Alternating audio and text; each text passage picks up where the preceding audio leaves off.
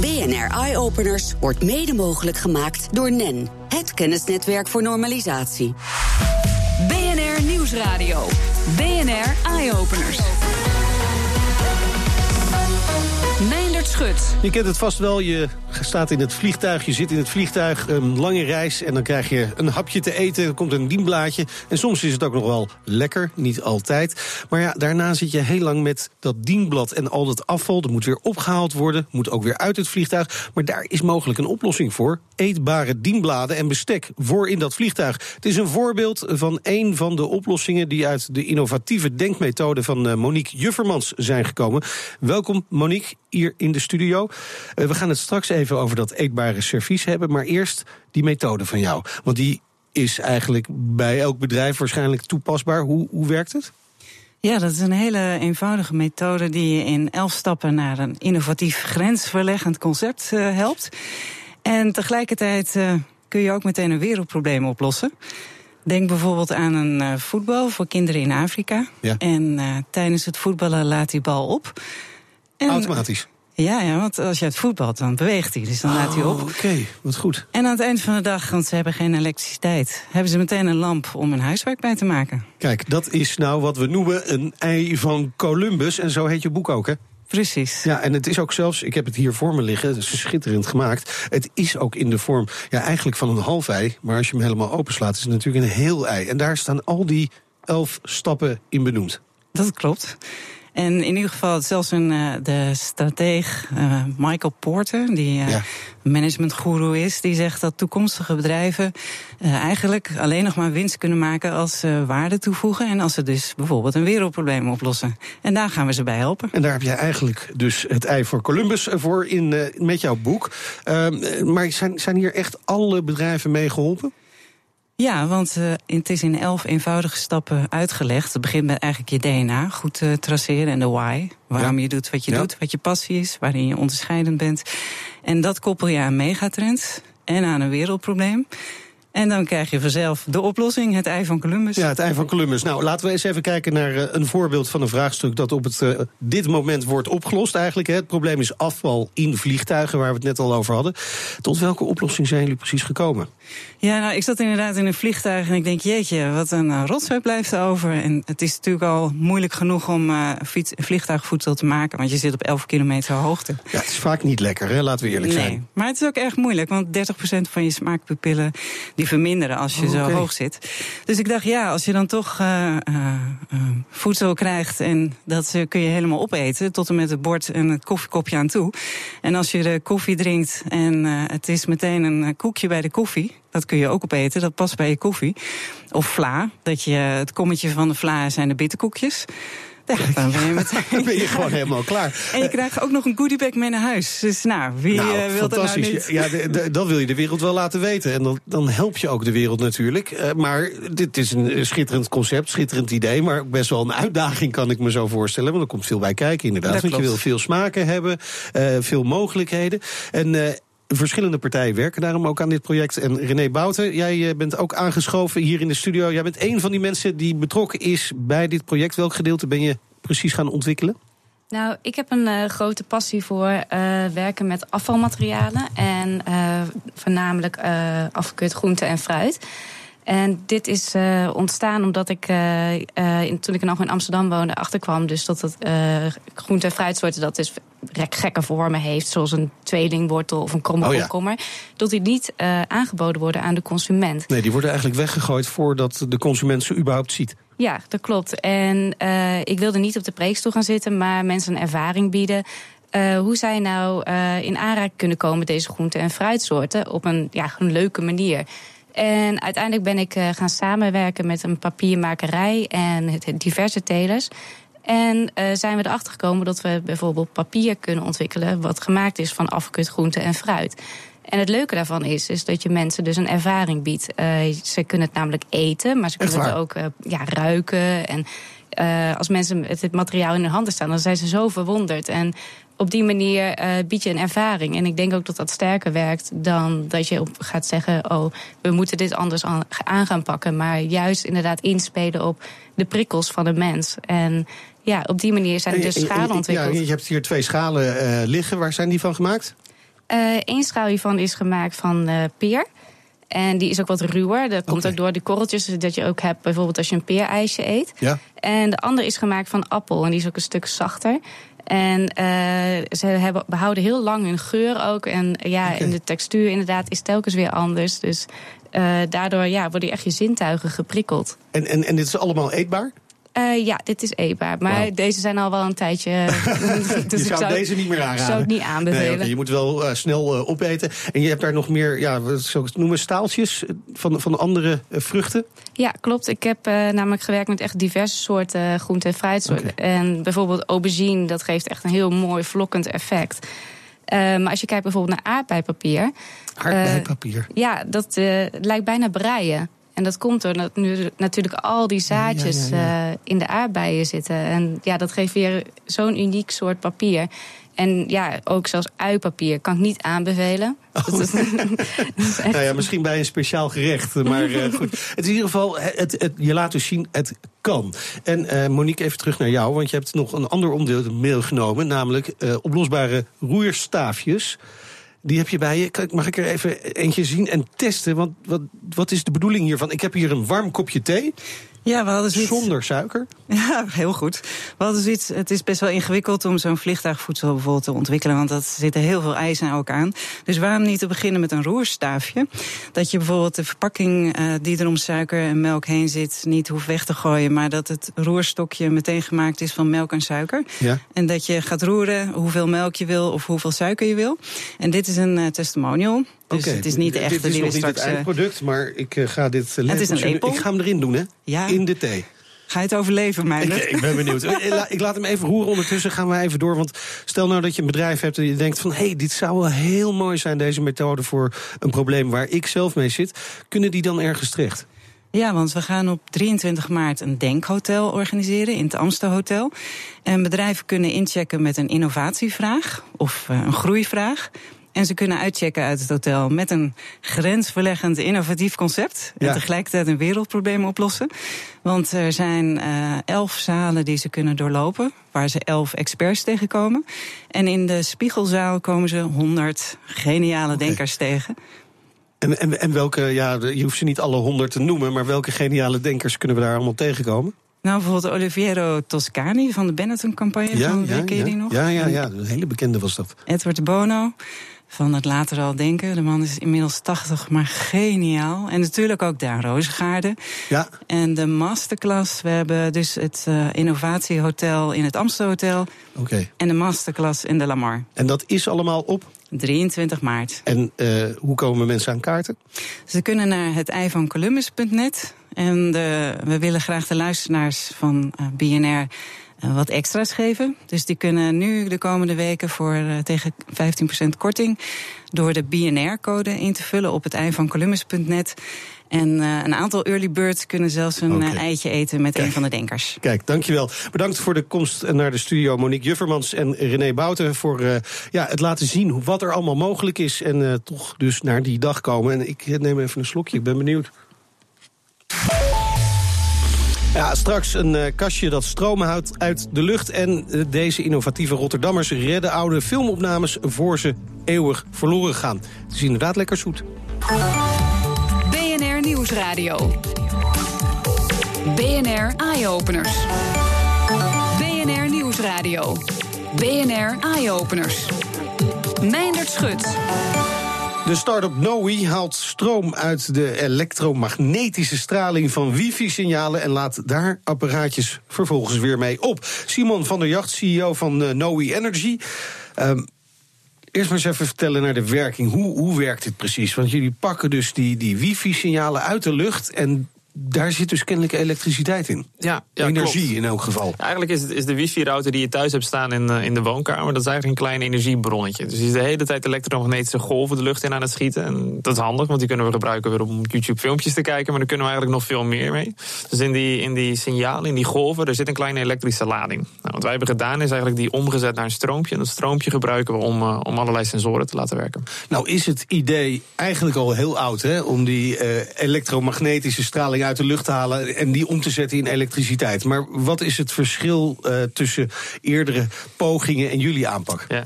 Nee, het is een super oud idee. Dus Nikola Tesla werkte hiermee uh, 100 jaar geleden met enorme torens die heel veel energie over elkaar uh, rondstuurden. Um, een groot verschil is gewoon de tijd waarin we leven. Dus wat er vandaag de dag gebeurt zijn eigenlijk een paar dingen. Nou, enerzijds zijn onze producten zo ontzettend energiezuinig nu vergeleken met een paar decennia geleden. Dus een sensor vandaag heeft ongeveer 10 keer minder energie nodig dan 10 jaar geleden. Okay.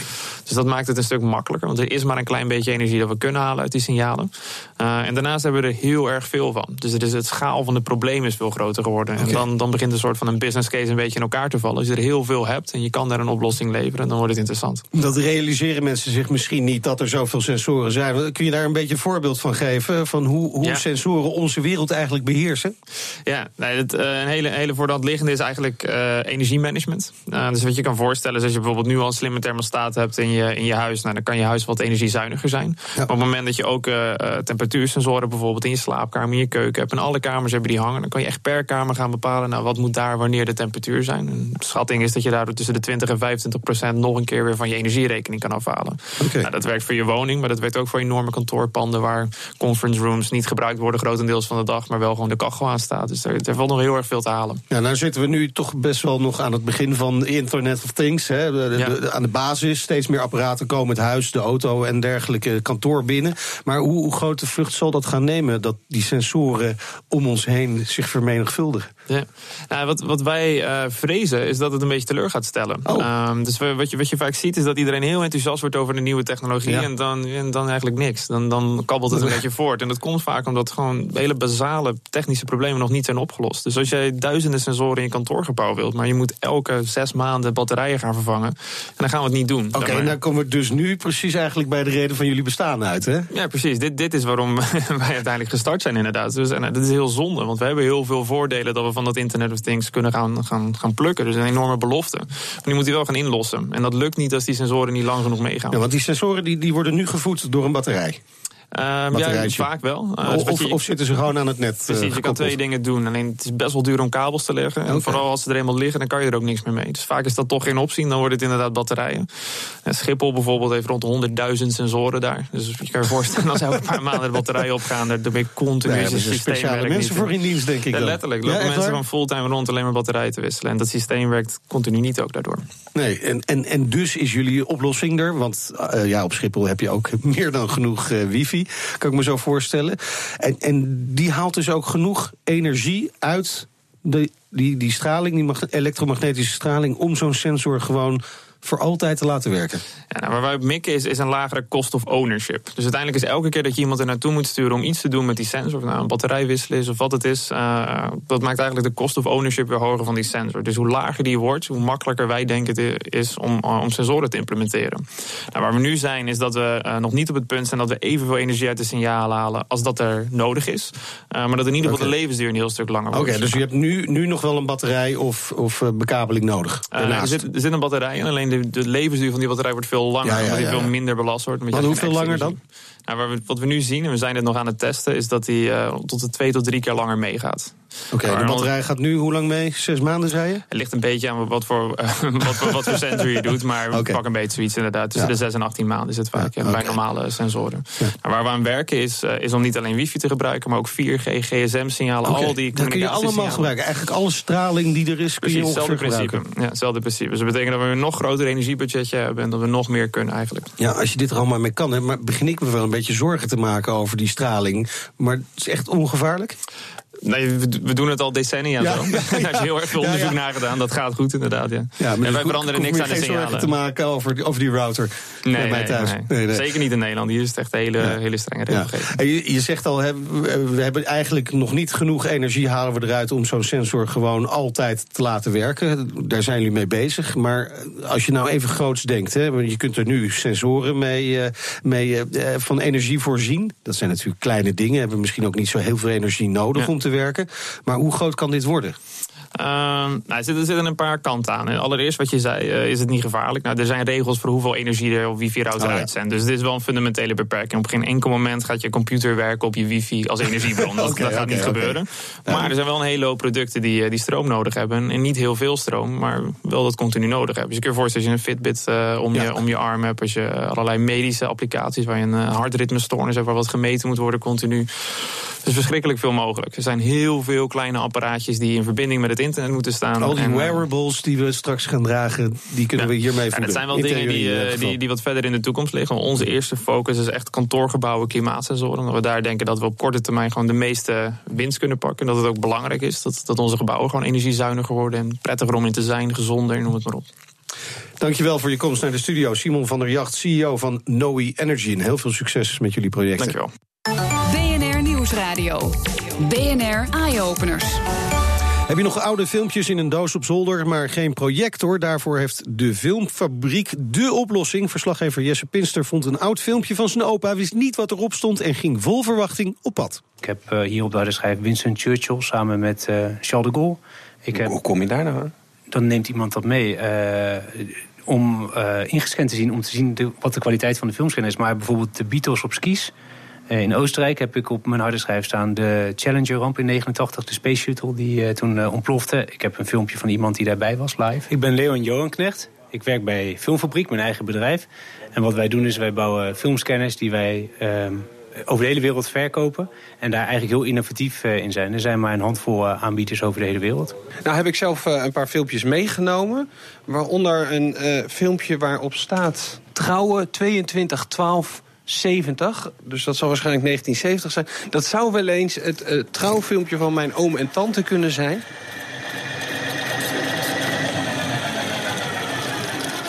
Waar we naar kijken is een, uh, een filmscanner die we helemaal zelf ontwikkeld hebben vanaf scratch.